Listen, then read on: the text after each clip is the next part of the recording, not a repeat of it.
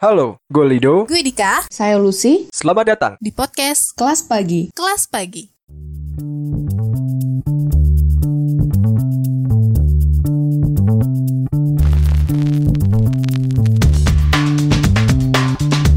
Lalu kemudian dari tujuan keuangan ini kita pilih satu instrumen, instrumen aman.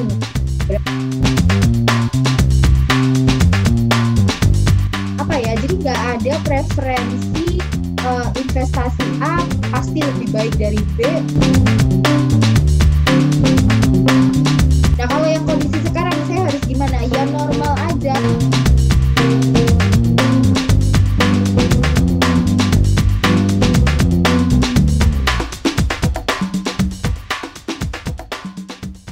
Masalah keuangan biasanya bikin kita pusing karena kalau ngomongin masalah uang biasanya nanti akan mempengaruhi ke beberapa aspek kehidupan pribadi kita lainnya gitu. Jadi di kelas ketiga di podcast kelas pagi season 2 ini kita mengundang salah satu guest star. Uh, beliau adalah seorang financial planner yang sudah tersertifikasi, tapi bukan cuma itu, beliau juga bertindak sebagai seorang dosen dan juga sebagai seorang peneliti yang jurnalnya sudah terbit dan sudah diakui. Beliau ini sangat produktif, walaupun kewajiban utama beliau adalah seorang ibu, tapi ternyata masih bisa juga berkarir karir nih dan juga memberikan inspirasi bagi banyak orang. Yang salah satunya beliau akan memberikan insight baru mengenai bagaimana kita melakukan perencanaan keuangan yang baik agar di beberapa tahun ke depan kita bisa mencapai yang namanya merdeka finansial. Apa sih merdeka finansial gitu kan?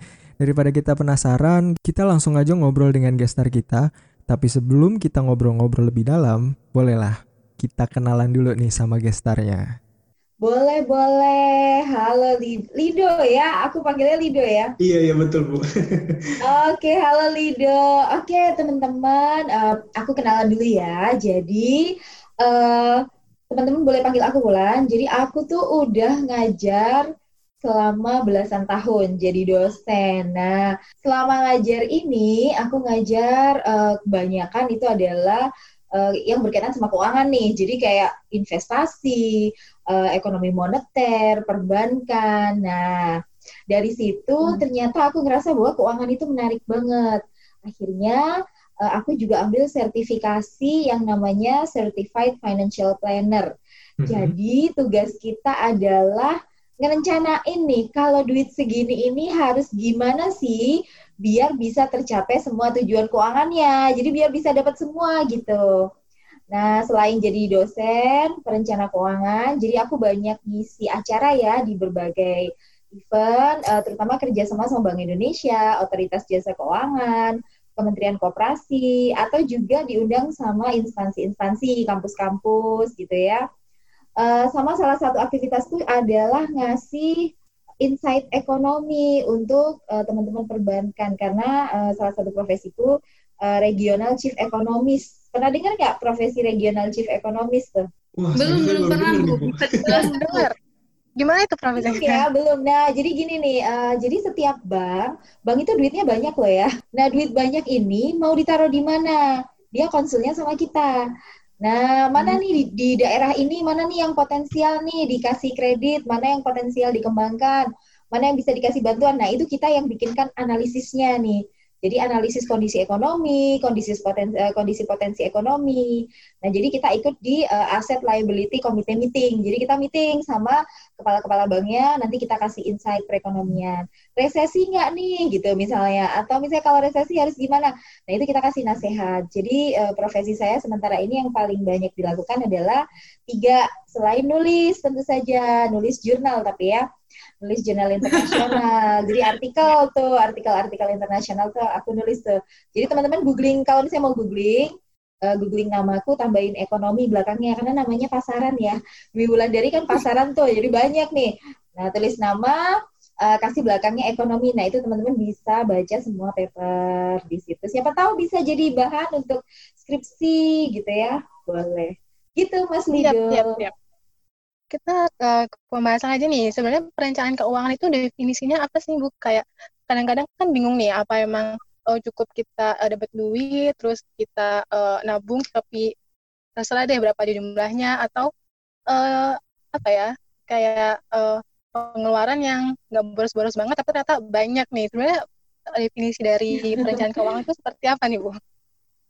Oke, nah jadi gini nih teman-teman ya, kalau kita mau bicara perencanaan keuangan, jadi perencanaan keuangan itu adalah proses untuk kita bisa mencapai tujuan keuangan.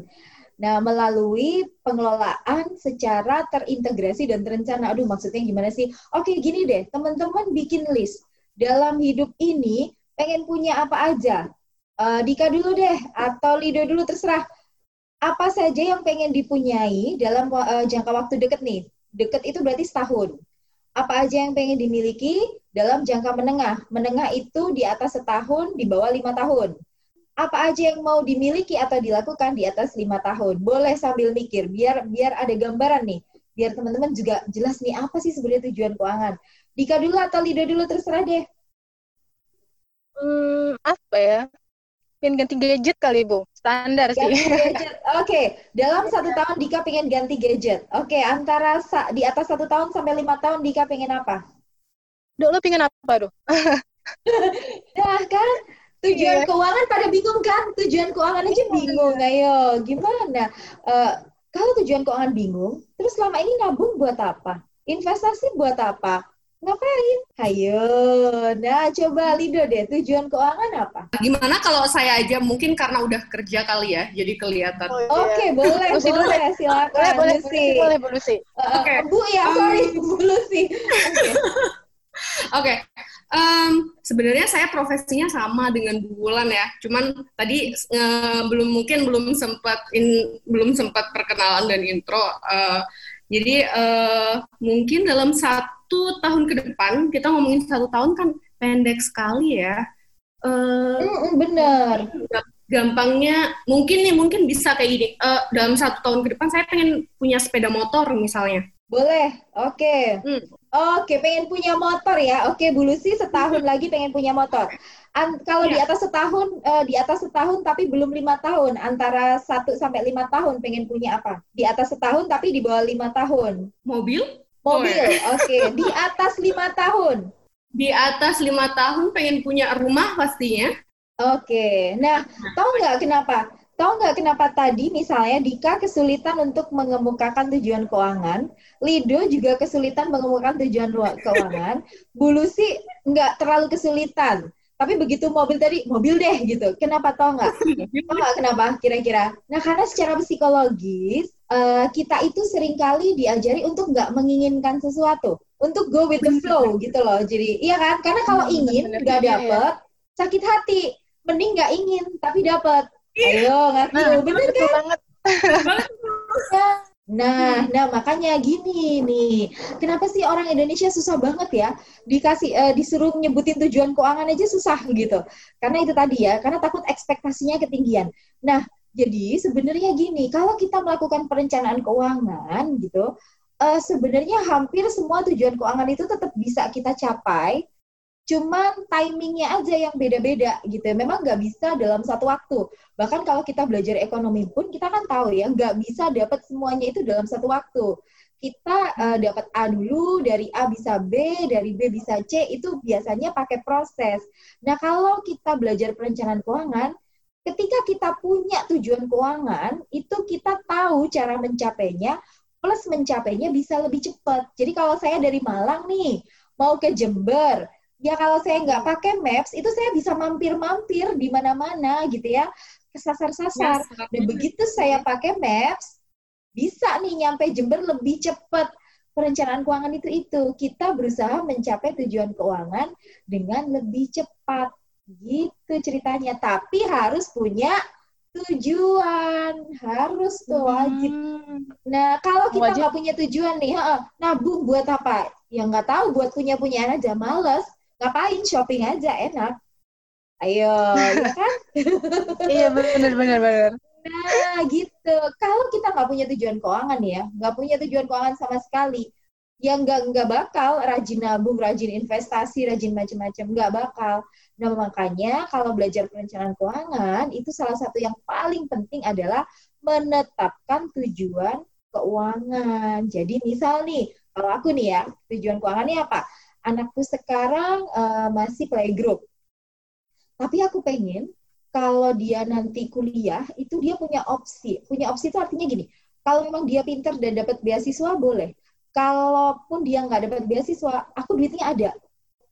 Nah, uh, pengennya kuliahnya di luar negeri. Kalaupun dia nggak mau keluar negeri, nggak apa-apa uh, di Indonesia, tapi yang kualitasnya sama. Berarti kan sama-sama apa? Mahal, ya kan?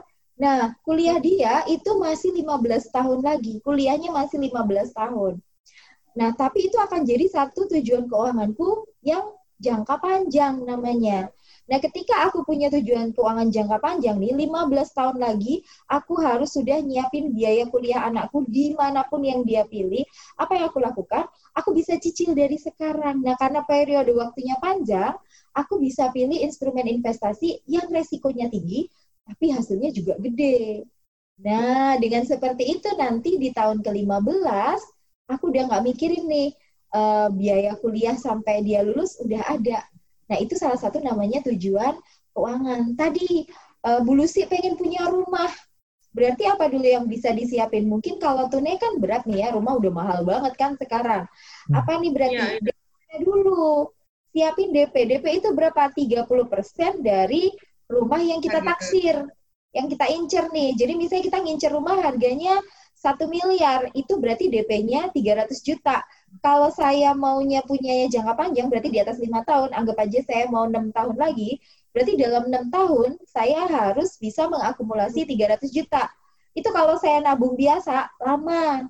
Makanya itulah saya lakukan namanya investasi. Saya pilih instrumen keuangan enam tahun jangka panjang masih boleh beresiko tinggi tapi returnnya juga tinggi. Nah kalau misalnya nih ternyata sampai empat eh, pasar lagi bagus ya empat tahun saya udah punya DP ya alhamdulillah kan empat tahun udah punya DP berarti udah bisa beli rumah empat tahun lagi. Gitu caranya berpikir kalau iya, kita iya, iya, merencanakan keuangan gitu. Hmm, intinya udah ada tujuannya dulu ya biar untuk apa sih kita menabung gitu ya? Betul kalau enggak kalau nggak ada tujuan susah mengumpulkan motivasi yang ngapain enakan dinikmatin sekarang hidup cuma iya, sekali. Iya, nah, pasti gitu tuh, pasti bilangnya gitu nanti.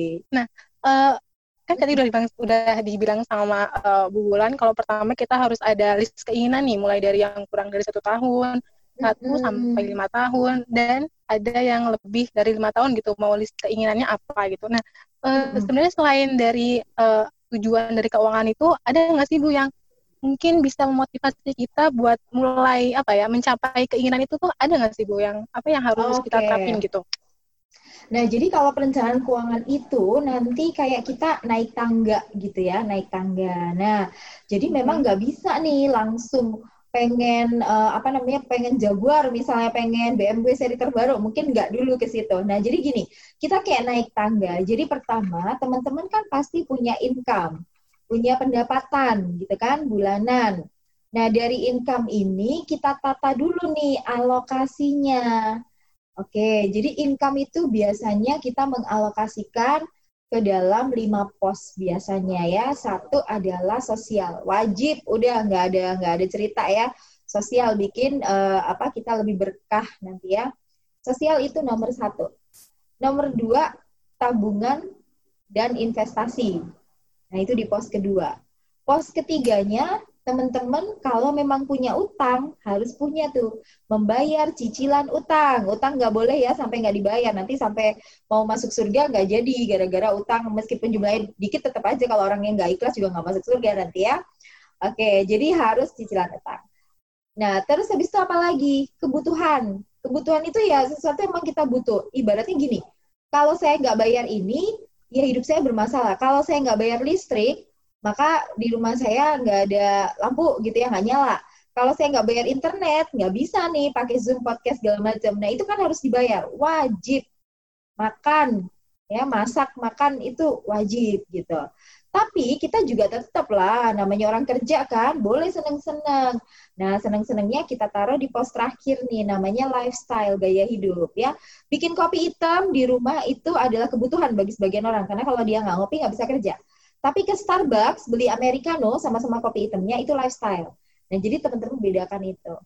Nah, begitu udah bikin budgeting nih, udah selesai nih bikin budgeting, Nah, maka tahapan yang kedua adalah tadi kan ada nih ada pos namanya tabungan dan investasi. Tabungan dan investasi itu harus teman-teman alokasikan dulu sebelum ke investasi harus punya namanya dana darurat dulu. Buat apa? Buat jaga-jaga. Jaga-jaga yang gimana sih, Bu? Tiba-tiba genteng bocor, padahal budgetnya nggak ada. Tiba-tiba uh, apa namanya ban meletus semua dan nggak bisa ditambal, harus diganti. Ya, tiba-tiba apa-apa pun yang tiba-tiba terjadi gitu. Itu namanya pakai dana darurat. Dana darurat teman-teman kumpulkan dulu. Berapa? 12 kali pengeluaran bulanan. Jadi kalau sebulan habisnya sejuta, maka harus punya 12 juta. Nah, udah selesai.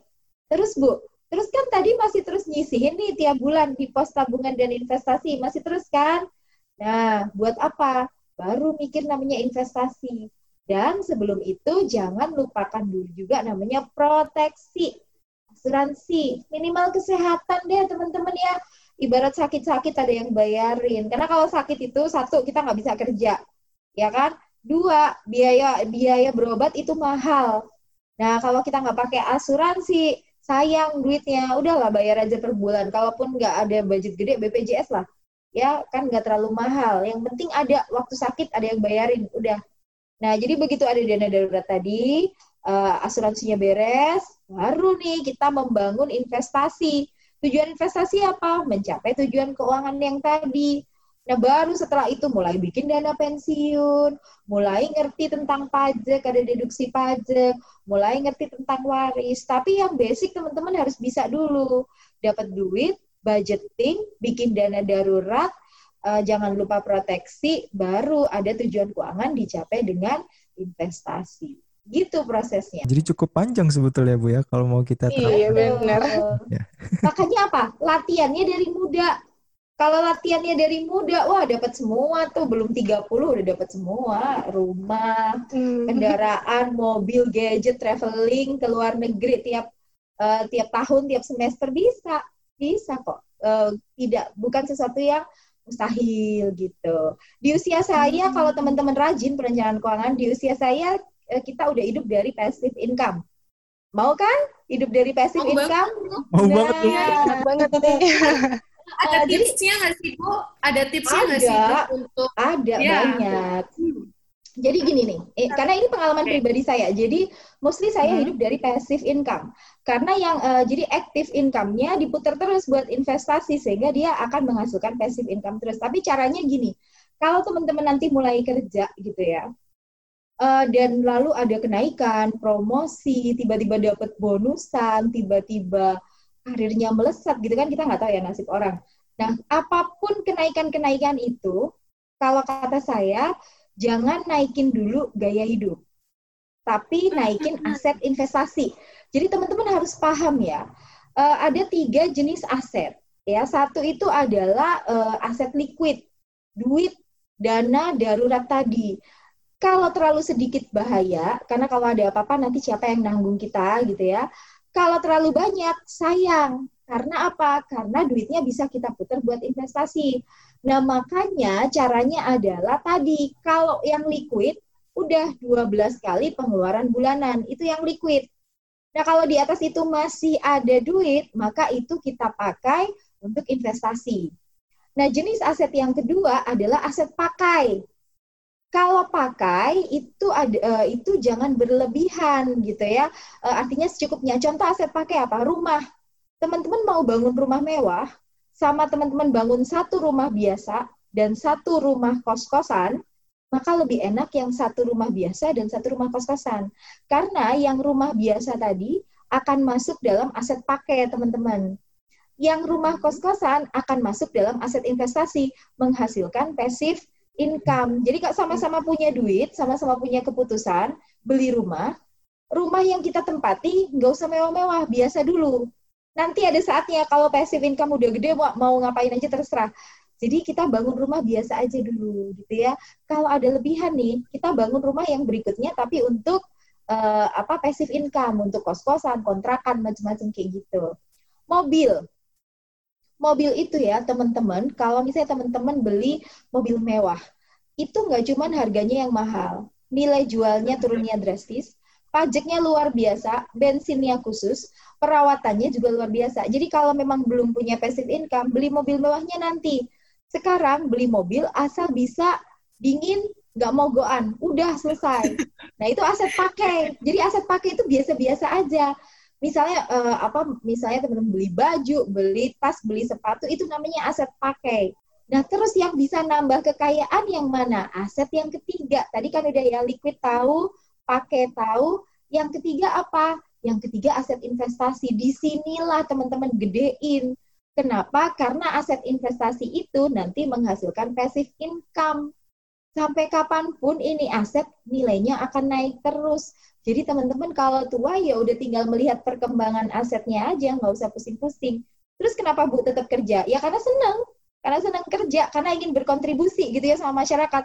Karena kalau diem aja nanti malah aneh-aneh jadi mending kerja gitu. Nah, jadi maksudnya teman-teman punya pilihan nih kalau udah punya passive income, punya pilihan, tetap lebih tetap kerja atau ya udah menikmati passive income juga boleh kan itu pilihan orang masing-masing. Tapi bisa punya passive income. Nah, permasalahannya di Indonesia adalah pas ada bonus, ada kenaikan, ada macam-macam. Yang digedein duluan adalah aset pakai, biar nggak malu sama tetangga, biar nggak diingetin. Iya kan?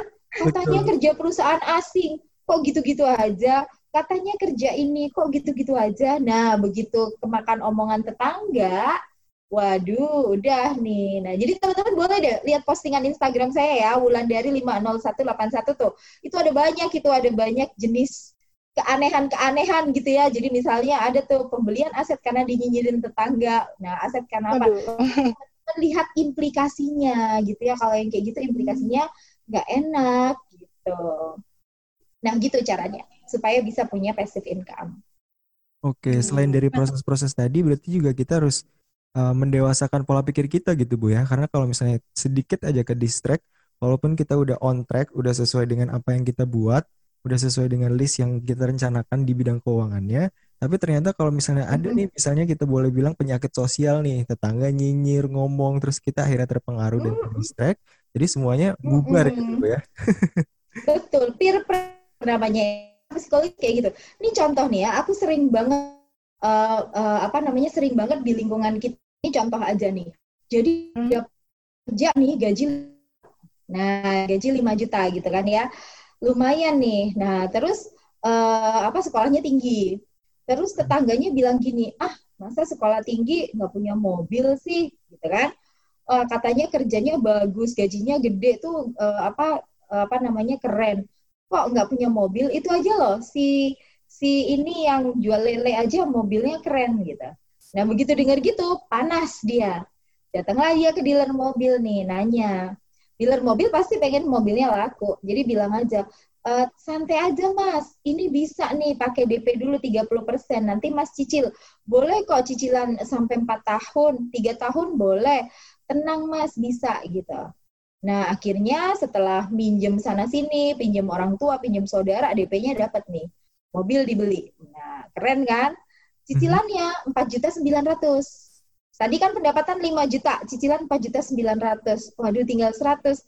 Dia berpikir gini, daripada duitku lari ke mana-mana, nggak jadi apa-apa, mending aku jadiin mobil. Nanti hidup sehari-hari aku bisa lah uh, cari tambahan bisa lah cari uh, apa namanya cari sambilan atau siapa tahu ada bonus jadi udahlah pasrah gitu setiap tanggal satu begitu selesai dapat gaji 5 juta, cicil mobil 4,9, kerja udah nggak semangat gitu ya. Terus bingung cari sambilan supaya dapurnya tetap ngebul karena duitnya sisa cuma 100 ribu. Terus dia harus mengalami itu selama empat tahun misalnya. Ngeliat temennya temennya itu bisa makan enak atau jalan-jalan itu udah panas sendiri, udah kesel banget. Hidupnya enak banget, sedangkan aku susah tiap hari bayar cicilan begini-begini.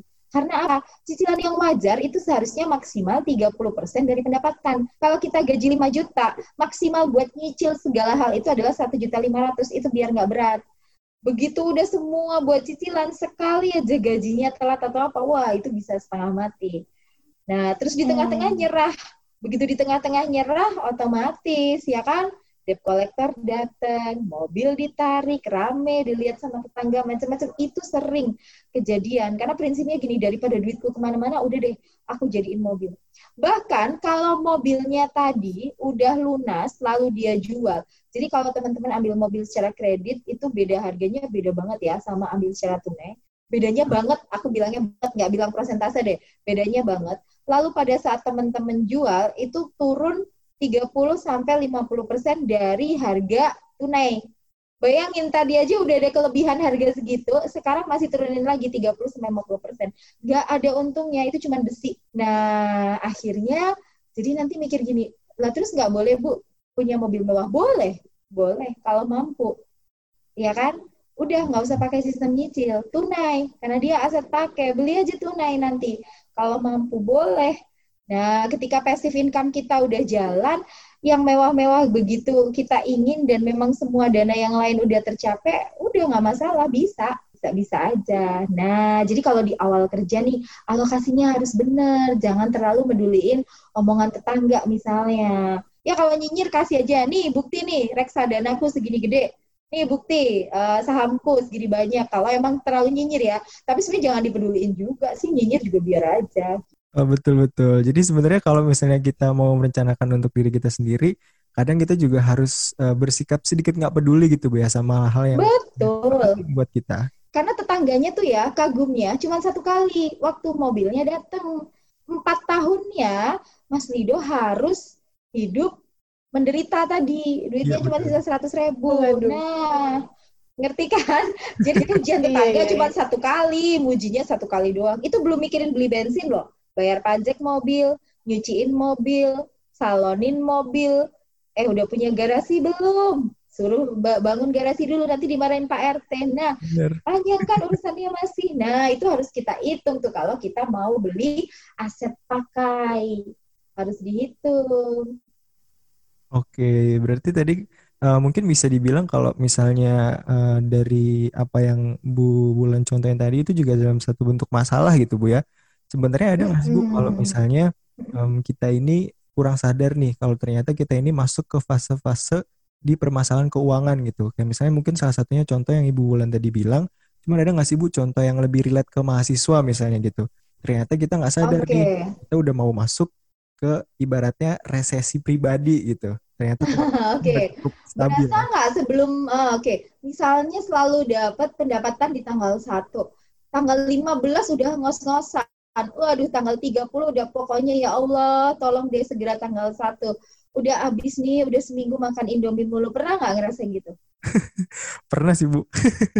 Ya udah itu berada dalam masalah berarti. Nah uh, jadi ketika kita hidup dari paycheck to paycheck gaji ke gaji itu sebenarnya kita udah dari udah ada dari udah ada masalah sebenarnya gitu jadi orang itu kalau udah cuman kerjaannya berharap aja ya cepet, uh, cepet tanggal gajian, cepet tanggal 1 atau cepet tanggal 25. Ini udah nggak karu-karuan. Atau misalnya awal bulan mewah, terus akhir bulan menderita gitu ya. Aduh, ikan asin satu aja bisa buat tiga hari. Nah, itu udah mulai deh. Itu udah masuk ke uh, apa namanya ke sebenarnya masalah keuangan pribadi. Nah, itu tanda-tanda yang pertama gitu ya. Jadi udah aduh rasanya kayak ngap gitu ya. Aduh, ini kenapa nggak gajian-gajian? Nah, itu jadi makanya sebenarnya kalau teman-teman pinter mengalokasikan, pinter merencanakan, itu hal seperti itu nggak nggak akan pernah ada gitu ya. Paling banter orang ya kalau udah pinter merencanakan keuangan, paling banter dia cuma ngeliatin portfolio eh, hari ini hijau atau merah dan dia biasa-biasa aja namanya, namanya investasi kan naik turun gitu. Oh lagi hijau ya udah gitu. Oh lagi merah ya udah kita tunggu sampai hijau itu doang masalahnya kalau masalah keuangan karena ya semua udah ada pos-posnya ibarat ada utang pun untuk cicilan utang dia udah punya pos-posnya nggak masalah aku tanya dulu deh sama Dika sama uh, Bu Lucy sama Lido ya kalau kita punya gaji uh, eh, 5 juta misalnya terus ada yang nawarin iPhone boba terbaru gitu kan gaji udah 5 juta lah ini ya. Yeah. Uh, iPhone boba okay. terbaru tapi sekarang belum punya uh, belum punya duit buat beli iPhone itu. Jadi sebenarnya ada iPhone boba, harganya 24 juta. Uh, belum punya duit sebenarnya gitu kan. Tapi terus uh, temennya bilang gitu, ya kan bisa dicicil. Lagian kan gaji kamu udah 5 juta, wajar dong punya iPhone boba 24 juta. Cicil aja tuh paling setahun sebulannya 2 juta paling kan masih cukup duit kamu. Sebenarnya kita layak nggak sih punya iPhone boba seharga segitu kalau misalnya gajinya 5 juta? Kalau dari Pikir saya sih lagi sih kayaknya ya. Karena kan lebih dari 30 persen. iya betul. Jadi seharusnya punya nggak? Kalaupun kita harus punya, Hmm. uh, lebih baik kita turunin grade-nya. Misalnya nggak harus iPhone yang boba-boba gitu, karena kan kita lihat dari uh, kegunaan dan fungsinya kan sebetulnya. Nah berarti sebenarnya nggak nggak dulu atau udah boleh? Nggak dulu Nah, sih kalau Nggak saya. dulu deh Bu, kalau 5 juta ya gajinya. Iya. Nah berarti tergantung. Nah sebenarnya gini, kalau kita ngambilnya cicil jelas jawabannya enggak. Tadi udah tahu kan? Cicilannya lah udah di atas 30% kan 2 juta sebulan. Padahal jatah saya nyicil kan cuma satu juta setengah. Berarti udah oke nih. Mindset keuangannya udah oke. Tapi lalu kalau ada pertanyaan, ya emang saya nggak boleh bu punya barang bagus. Boleh, siapa sih yang bilang nggak boleh? Nah sekarang kita bikin iPhone Boba sebagai tujuan keuangan. Jadi nggak perlu nyicil, nggak perlu mengorbankan diri, kita pakai nih iPhone Boba sebagai tujuan keuangan.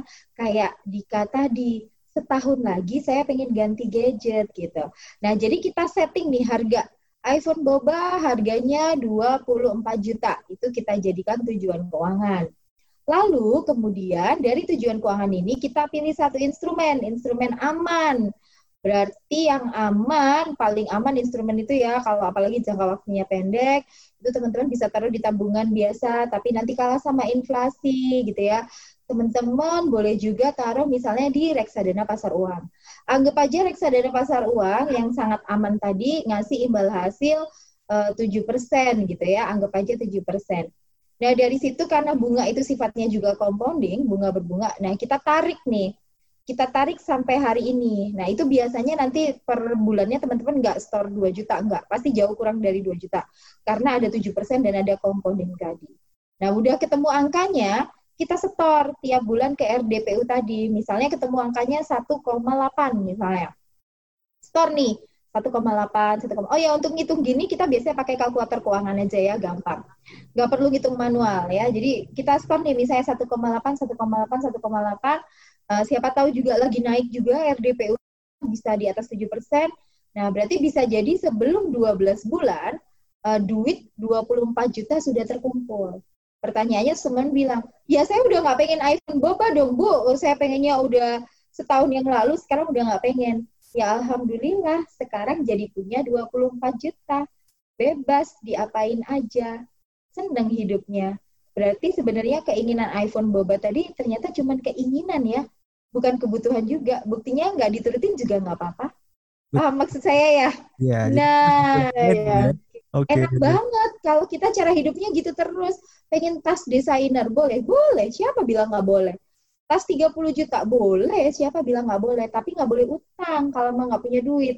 Kalau kita nggak punya duit itu berarti ya memang kita nggak punya duit. Belum mampu. Jangan.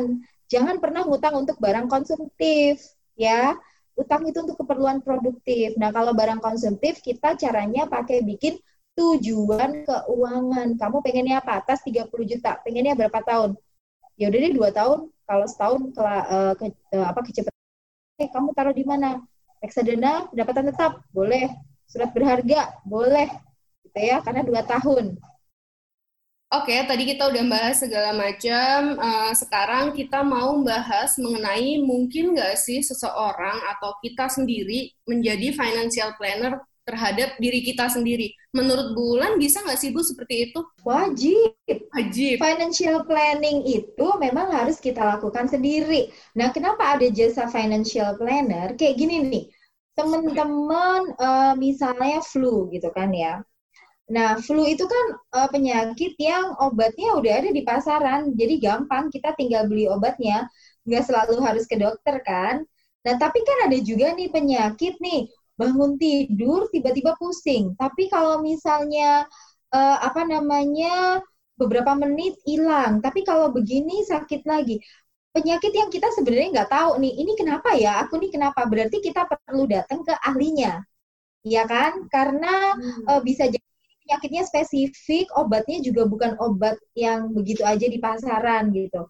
Atau kita bisa belajar cara menyembuhkannya. Nah, jadi dokter untuk dirinya sendiri. Nah, makanya gini, kalau dalam tahapan eksekusi rencana keuangan, melaksanakan rencana keuangan, itu memang kita harus lakukan sendiri.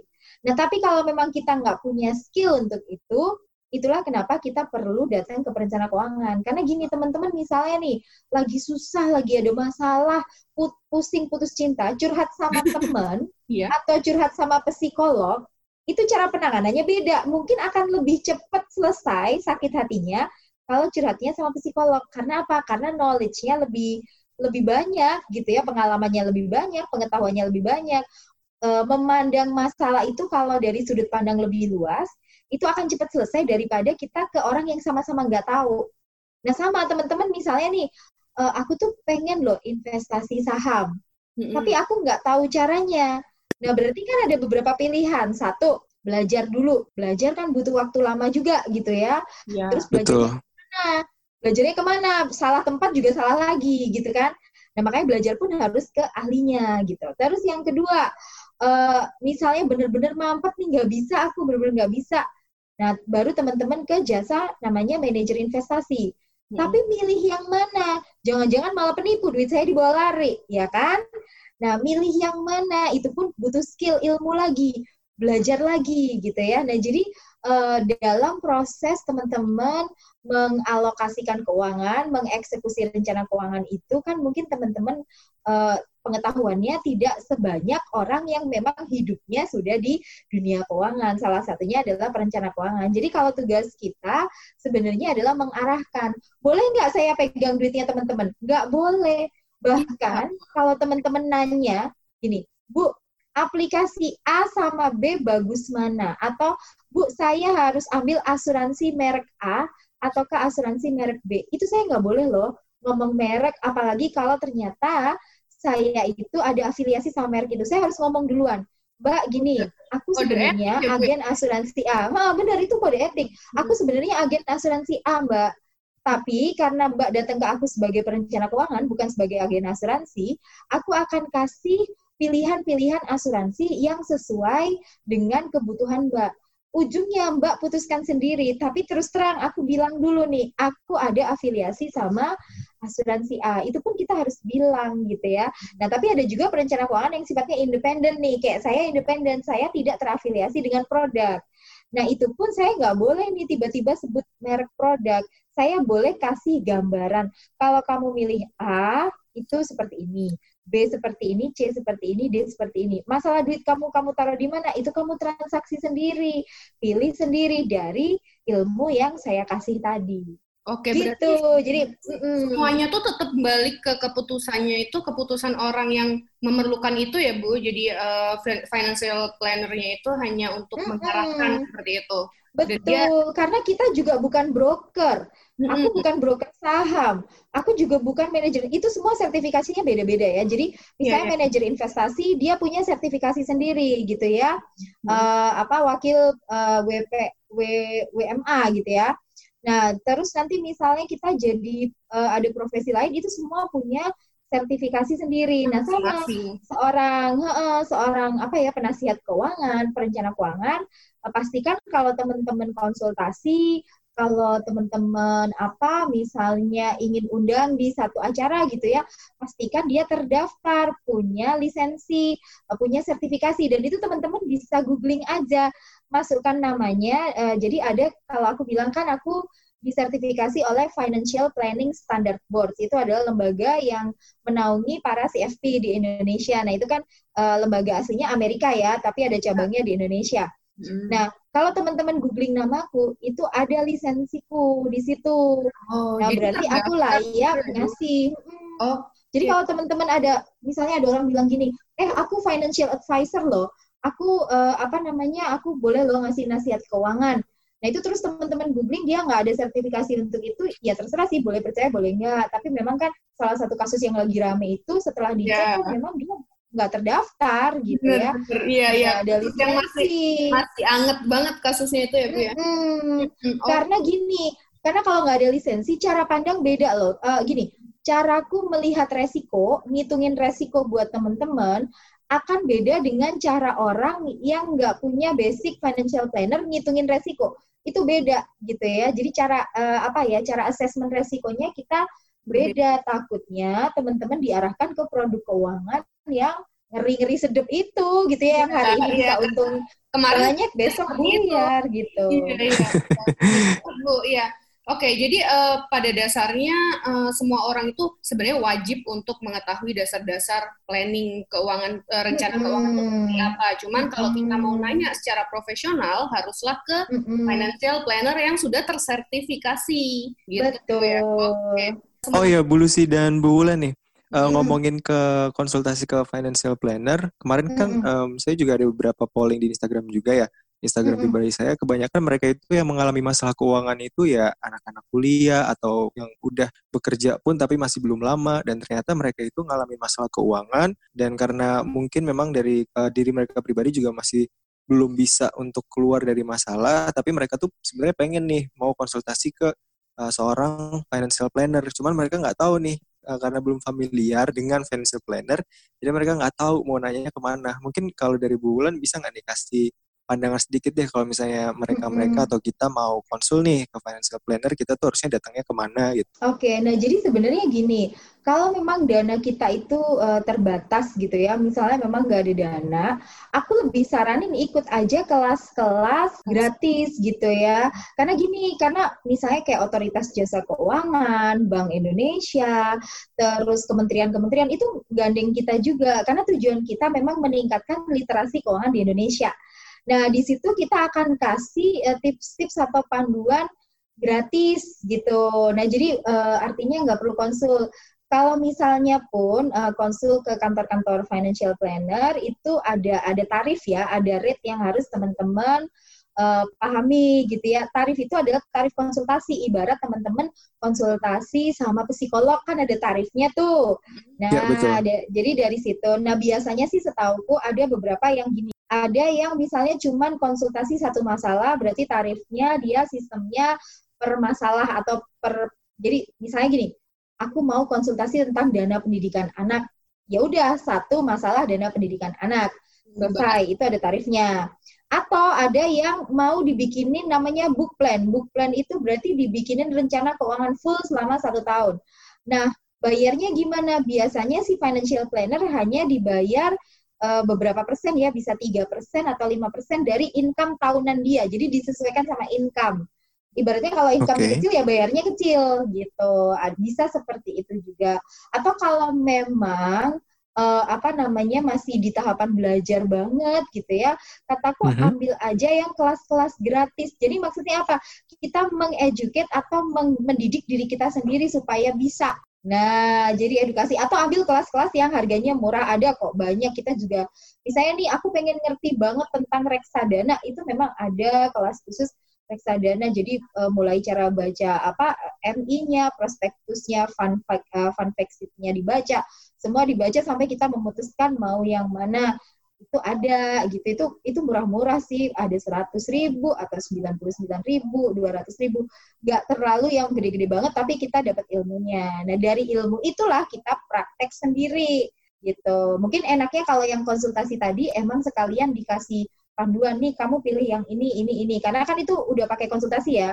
Masalahku ini ini incomeku segini begini begini. Itu udah di, kita cekkan juga sampai kesehatan keuangannya. Tapi kalau aku sendiri sih aku preferensiku aku lebih ke ngajarin Uh, jadi daripada konsultasi one on one karena waktu itu terbatas ya, aku lebih seneng di kelas besar yang aku bisa ngajarin sampai semua orang bisa semua.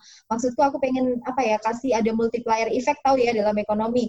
Uh, jadi kalau uh, uh, jadi kalau satu jam kita cuma konsul satu orang dapatnya satu orang, tapi satu jam pesertaku 500 ada 500 orang yang akan ngerti perencanaan keuangan dan dia bisa cerita ke yang lain, yang lain, yang lain gitu. Literasi Indonesia nanti bisa meningkat. Kalau aku lebih ke lebih ke situnya.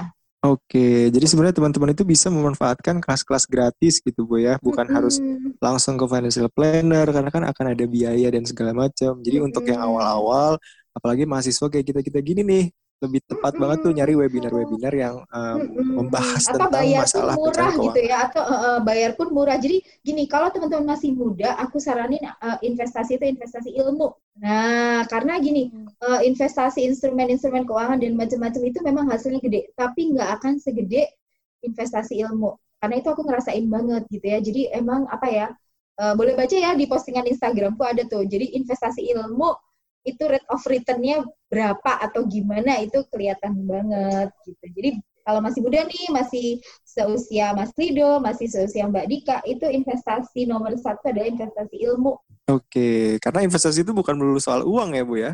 Betul, Kamu juga perlu gitu, gitu ya. Uh, uh, Bulu sih okay. mungkin investasi skincare aja, investasi tuh ya. Skincare dirawat dari muda.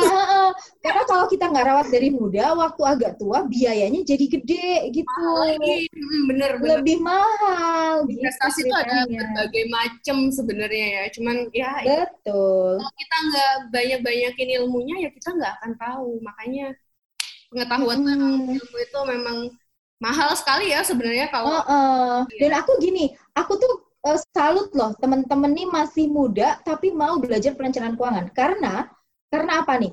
Karena bahkan di lingkunganku sendiri yang isinya itu orang ekonomi. Orang ekonomi ya berarti belajar ekonomi. Itu ada sering tuh ya, aku ketika aku aku kan kadang aku juga kasih info gratis tuh. Ini aku ada webinar sama OJK sama ini. Maksudku supaya misalnya teman-teman belum tahu ilmunya bisa ikut dan itu gratis gitu. Itu ada juga tuh komen-komen misalnya bilang, ya situ enak, duitnya banyak, bisa merencanakan. Lah kalau orang nggak punya duit, gimana bisa merencanakan? Ya aku bilang, kalau kamu belajar perencanaan dari awal, kamu nggak akan pernah nggak punya duit. Masalahnya adalah uh, apa namanya udah bertahun-tahun di dunia ekonomi, tapi kamu nggak belajar, makanya sekarang nggak punya duit.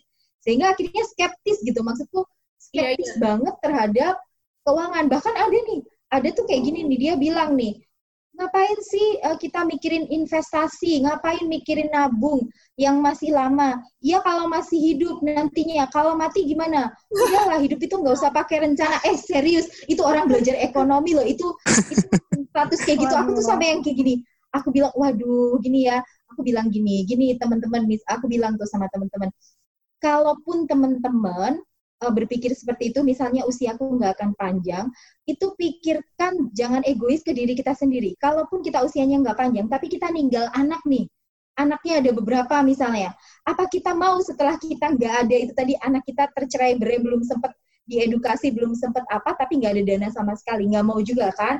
Nah at least kalau misalnya nggak mau siapin buat diri sendiri kita siapin buat keluarga deh. Jadi jangan egois gitu. Maksudku kayak gitu sih.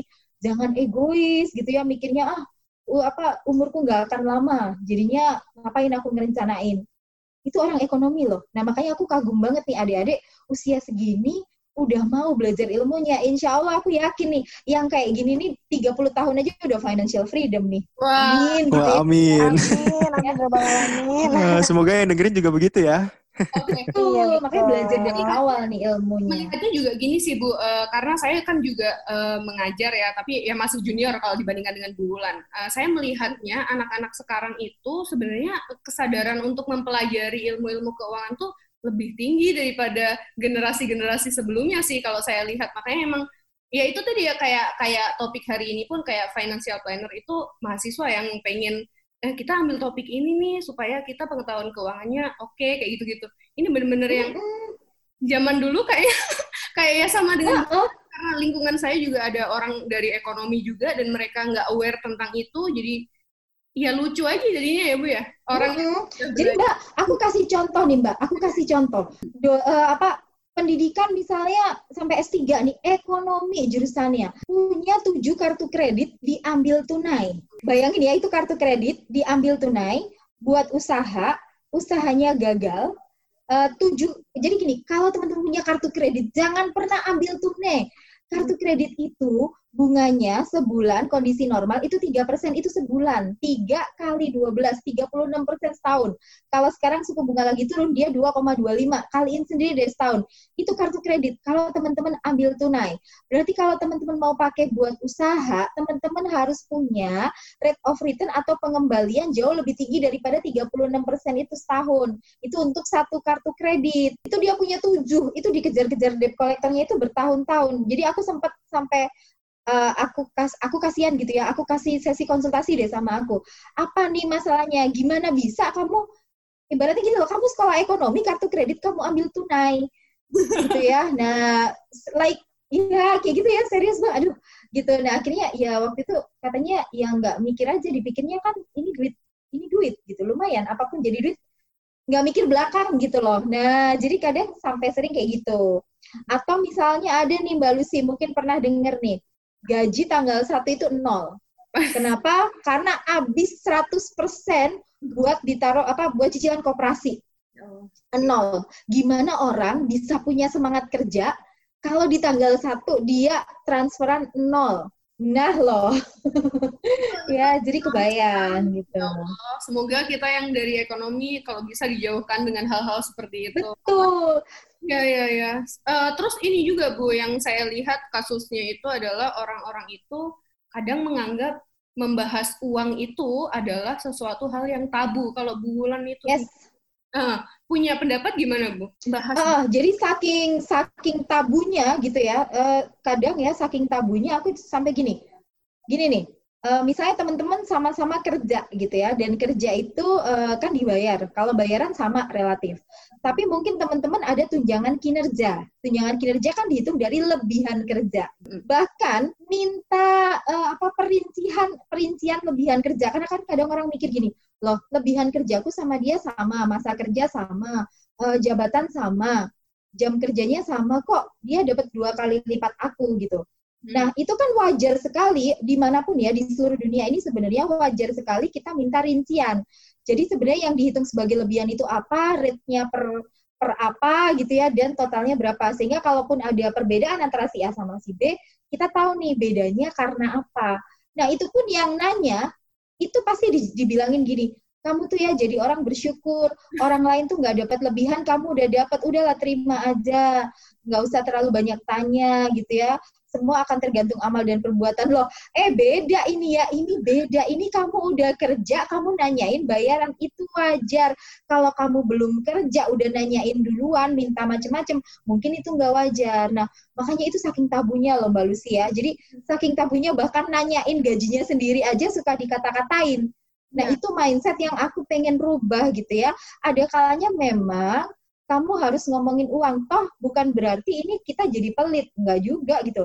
Kalau kita udah ke financial freedom, uh, ada temen minta tolong apa pun ya kita tolong. Ada uh, ada apa ya misalnya traktir atau apa ya karena dananya ada gitu ya. Hmm. Karena dananya ada. Tapi ini memang harus sesuatu yang harus dibicarakan biar enak gitu ya. Bahkan kita sama temen nih eh kamu ini dong uh, jadi di proyekku kayak gini-gini. Itu mending kita omong di depan karena nanti temen bisa jadi lawan kalau misalnya uh, apa namanya nggak sepakat duluan. Bener banget. aku udah kerja ternyata cuma kayak gini cuma dikasih segini. Nah jangan udah ngomong di awal. Jadi menurutku adalah teman-teman ngomongin uang itu bukan masalah yang tabu gitu ya. Jadi uh, daripada apa ya nahan tapi ma malah ngomongin di belakang mending diomongin dari awal gitu ya. Akad istilahnya akadnya benar Yeah. Kalau aku ngutang-ngutang, kalau aku ngajak kerja, ngajak kerja, uh, gajinya segini-segini, itu kita udah sepakati di awal. Jangan malu-malu ngomongin uang gitu ya. Eh, tapi memang benar kok Mbak Lucy ya. Jadi kadang perencana keuangan, aduh dia ngomongin uang dulu. Ya iyalah, aku perencana keuangan. Kalau pas kita nggak lagi jadi perencana keuangan, dia nggak ngomongin duit kan gitu. Ya, iya. Ya kan? Nah, benar.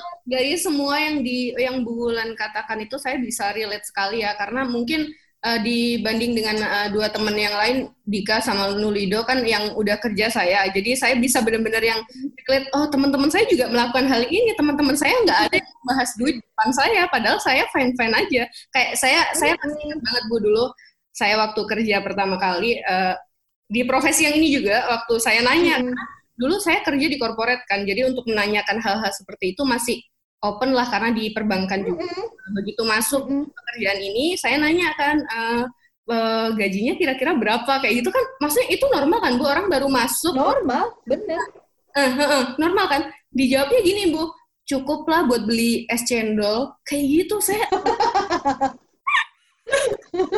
saya shock banget. Iya. Ya Allah, ini karena dan, dan dikira ini, dikira mata duitan padahal sebenarnya juga enggak ya kan ya wajar gitu ya wajar uh, namanya pekerjaan ada income itu wajar gitu. Uh, jadi kataku sih sebenarnya ini apa ya kayak mindset orang aja. Orang Indonesia itu gampang sungkan nih.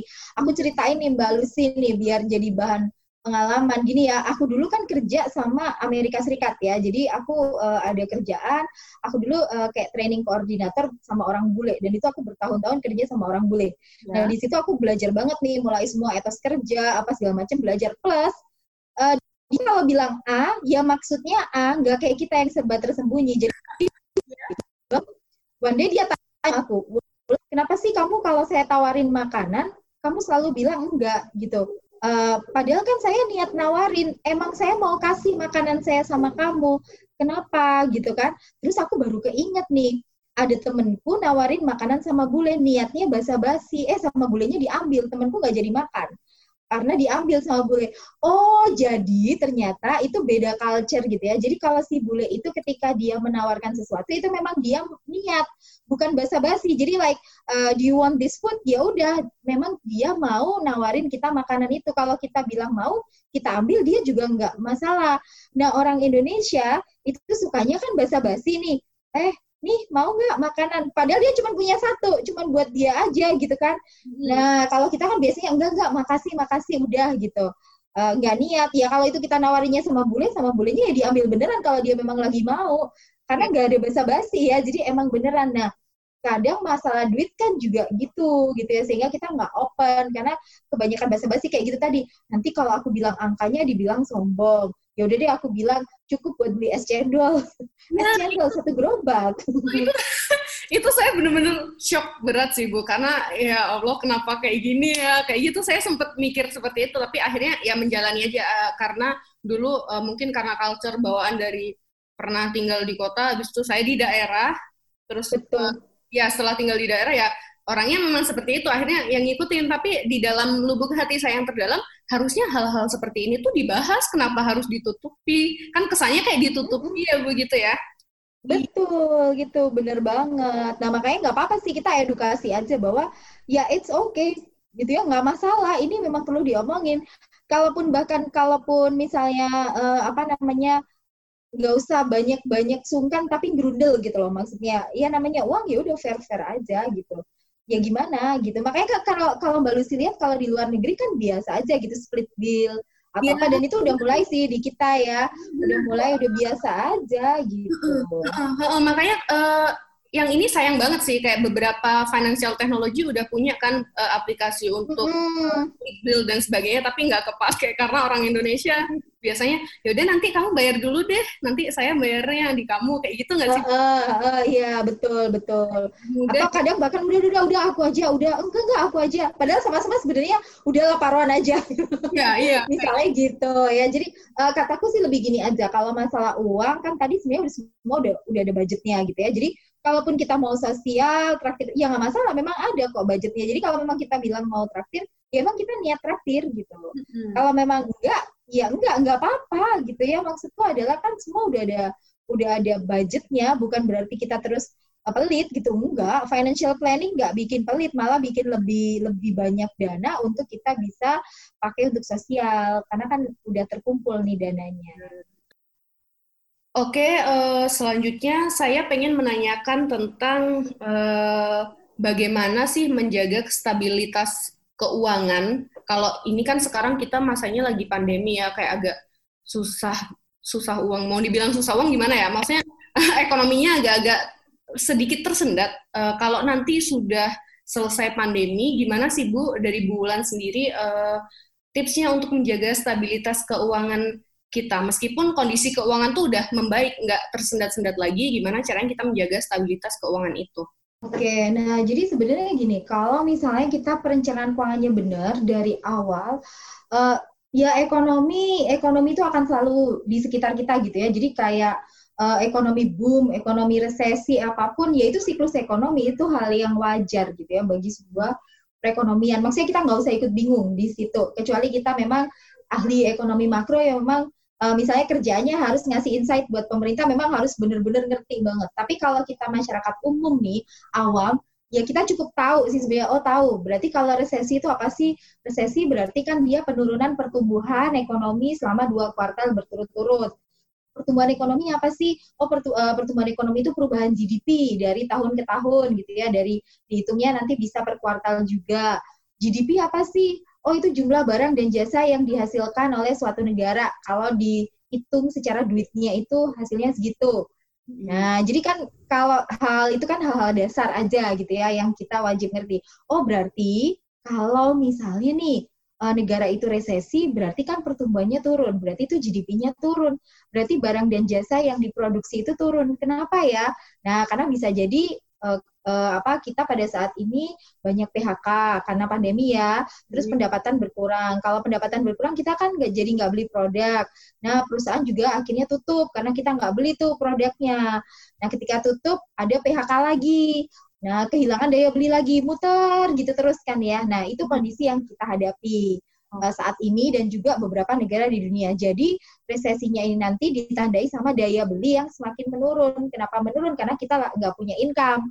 Makanya itulah kenapa tuh pemerintah kasih segala macam stimulus gitu kan ya dikasih gaji ke-13 buat pegawai udah yang Malaysia udah transfer nih kayaknya ya gaji ada yang buat pegawai swasta dikasih uh, apa enam ratus ribu mm -hmm. uh, ada bantuan untuk yang prasejahtera ada macam-macam uh, ada bantuan untuk UMKM macam-macam tujuannya pasti tujuannya ekonomi supaya muter.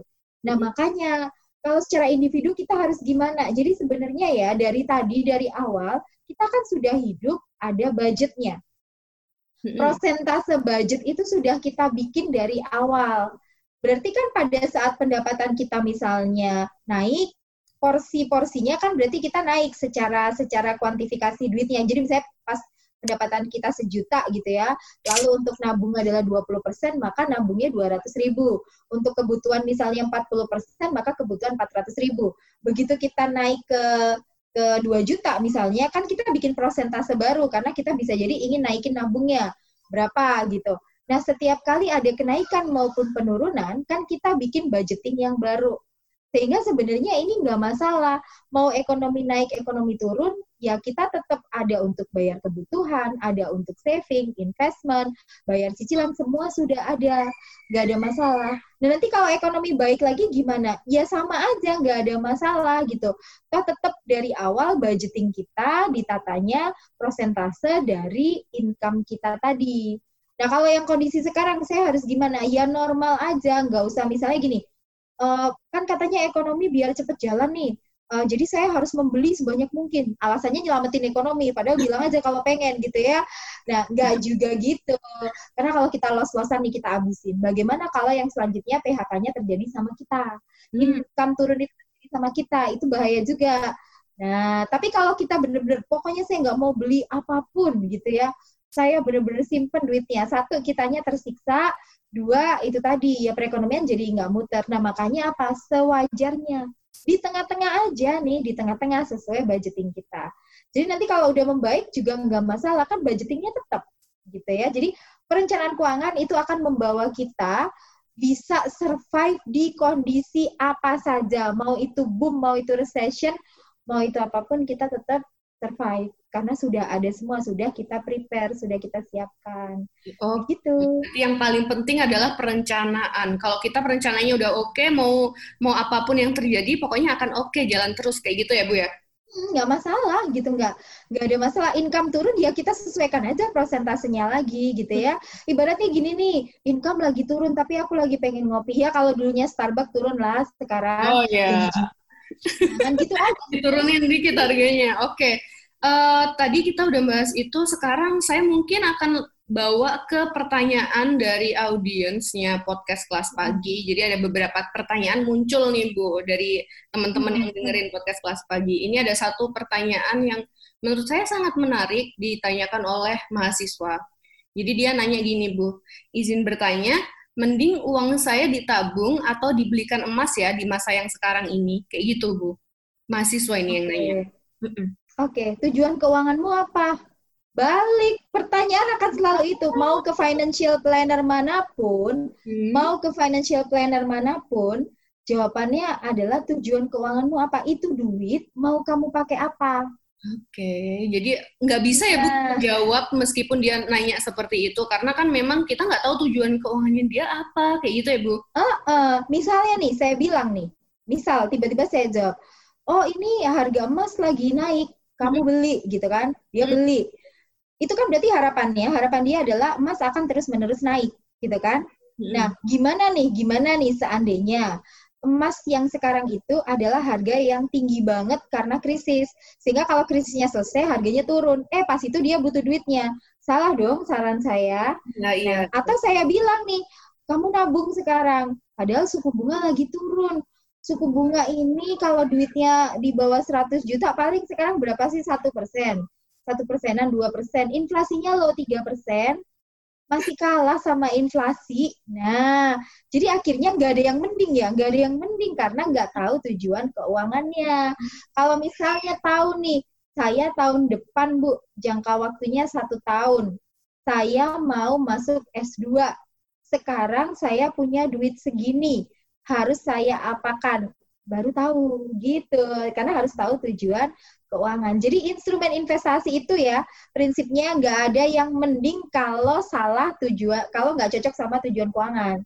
Mau nikah tahun depan, saya bilang invest saham deh biar dananya cepat terkumpul. Hari nikah pasarnya lagi jeblok, hilang itu duit semua ya, nggak jadi nikah udah. Nah, makanya beda gitu. Iya, oke. Okay. Berarti ini pertanyaannya Azizah Nur Andini nih nggak bisa dijawab karena kita nggak tahu tujuan keuangannya dia apa. Oke. Okay.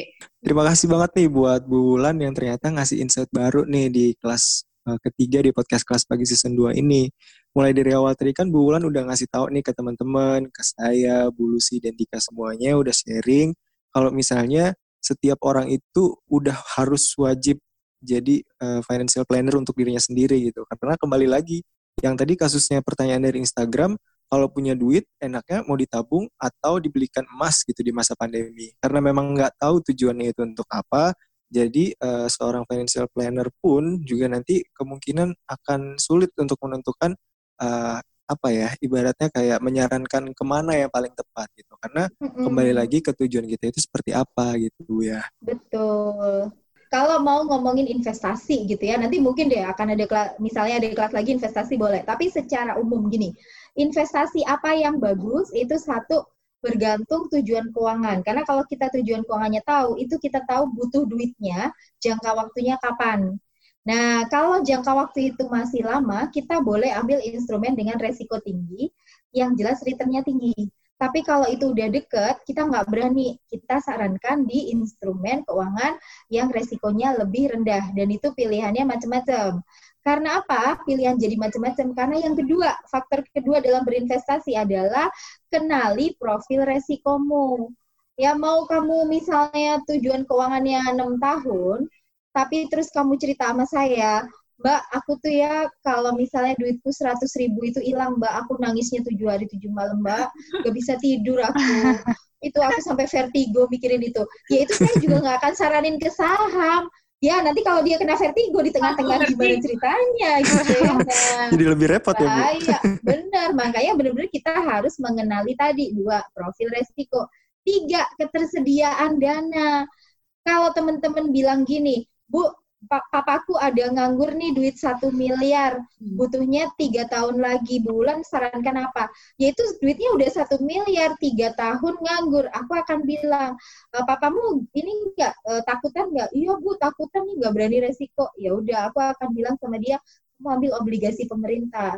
Tapi ketika dia bilang gini, bu, uh, apa namanya? Aku tuh cuma punya dua ratus ribu per bulan, tapi aku maunya masih butuhnya itu tiga tahun lagi dan aku juga takut resiko bu tipenya. Aku nggak akan bilang kamu harus beli obligasi pemerintah nggak cukup duitmu. Apa yang kamu lakukan? Kamu beli reksadana pendapatan tetap. Isinya apa? Ya isinya obligasi juga tapi kamu urunan sama orang lain. Pakai reksadana. Jadi apa ya? Jadi nggak ada preferensi uh, investasi A pasti lebih baik dari B, pasti lebih baik dari C, nggak ada. Karena itu tadi, tujuan keuangan apa, jangka waktunya berapa, profil resikonya gimana, duitmu ini ada langsung gede gitu, ataukah mau kamu cicil tiap bulan, itu udah beda cara kita menentukan uh, ini gitu ya. Jadi makanya kalau ada financial planner nih ya, uh, tiba-tiba pegang duit kamu, terus dibeliin saham gitu ya, kamu nggak ngerti apa-apa gitu, uh, apalagi gini, uh, aku kasih contoh lagi gini ya, financial planner itu suka segala sesuatu yang berbau hati-hati. Kalaupun aku saranin saham, aku nggak akan pernah saranin kamu ke saham lapis tiga. Udah aman hidup di saham lapis satu. Lapis dua boleh, tapi nggak usah banyak-banyak. Tapi saham lapis satu aman. Ya, nah jadi kalau financial planner tujuannya adalah kesejahteraan si klien tadi. Jadi akan tetap bisa dapat tapi aman. Kita nggak akan ke instrumen-instrumen yang bisa bikin kamu kaya mendadak tapi miskin mendadak itu ngeri. Nah, jadi kayak gitu tuh.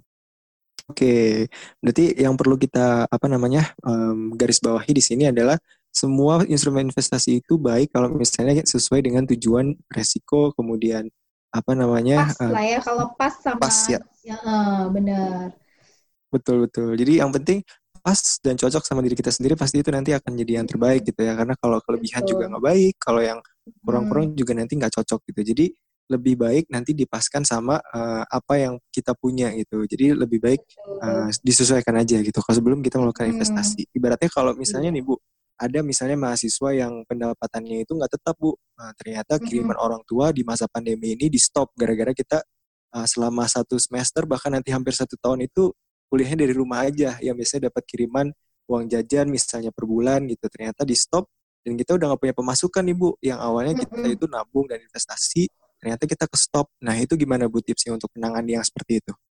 Oke, okay, kalau aku ya selama kita masih muda, muda, punya tenaga, punya waktu. Aku tipikal yang gini, Mas, justru. Kalau misalnya aku merasa kurang, itu kan aku ada uh, ada dua pilihan. Kalau merasa kurang itu aku ada dua pilihan kan. Naikkan pendapatan atau turunkan pengeluaran. Nah, aku jujur aku di tipe yang naikkan pendapatan. Karena apa? Okay. Karena waktu, aku punya waktu, aku punya otak gitu ya, aku punya tenaga, uh, aku bisa melakukan sesuatu untuk menaikkan pendapatan. Nah, kalau teman-teman mahasiswa masih muda, kan waktunya masih banyak gitu kan ya. Terus otaknya juga masih jernih, clear, nggak terlalu mikir aneh-aneh kayak kita-kita yang udah dewasa ini pikirannya ke mana-mana gitu. Nah, kenapa nggak naikkan pendapatan? Cari cara gimana saya bisa dapat tambahan income jadi saya bisa tetap nabung dan investasi. Kalau memang tadi kirimannya bermasalah. Kalau aku gitu mas caranya. Jadi selama kita masih muda, beda cerita kalau misalnya nih aku udah usia 60, udah nggak kuat kerja, aku paksain kerja malah masuk rumah sakit, ya kan? Nah, ya, jadi betul. kalau misalnya masih muda, waktu masih ada, kemampuan masih ada, peluang bisnis itu sekarang luar biasa, terutama di era digital ya. Keterbukaan informasi itu luar biasa. Makanya teman-teman itu harus banyak uh, apa namanya memperluas ilmu, memperluas jaringan, networking. Karena apa? Karena ya lebih baik itu tadi daripada pusing, cari aja tambahan income. Sekarang semua bisa jadi duit gitu ya. Zaman sekarang emang seperti itu. Betul betul. Mm-hmm. Oke, jadi um, permasalahan yang seperti itu sebenarnya bukan masalah banget bagi kita yang punya uh, waktu yang bisa dibilang energi dan segala macamnya itu cukup banyak bu ya. Karena cukup hmm. banyak juga yang kita usahakan dan bisa menjadi income tambahan seperti yang Bu Wulan tadi bilang gitu. Betul. Nah mungkin dari Dika nih ada nggak nih? Lah ya. Betul, hmm. yang penting gerak dan nanti kalau masalah hasil ya itu nggak akan mengkhianati usaha kita, betul ya? Betul, betul banget. Oke, nah kalau dari Dika nih gimana nih Dika?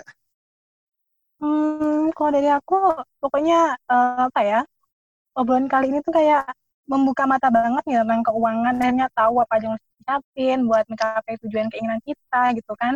Dari yang uh, pertama tadi kalau misalkan uh, dapat income gitu dialokasikannya ke lima hal. Yang sosial yang pertama terus yang kedua ada ada tabungan dan investasi.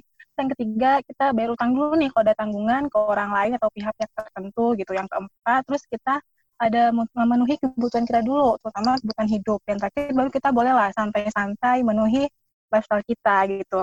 Nah, uh, makasih banget hmm, benar benar sharingnya tuh apa ya daging semua kalau istilahnya jangan betul betul.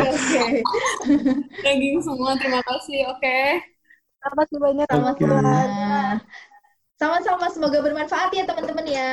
Sampai ketemu Amin. lagi saya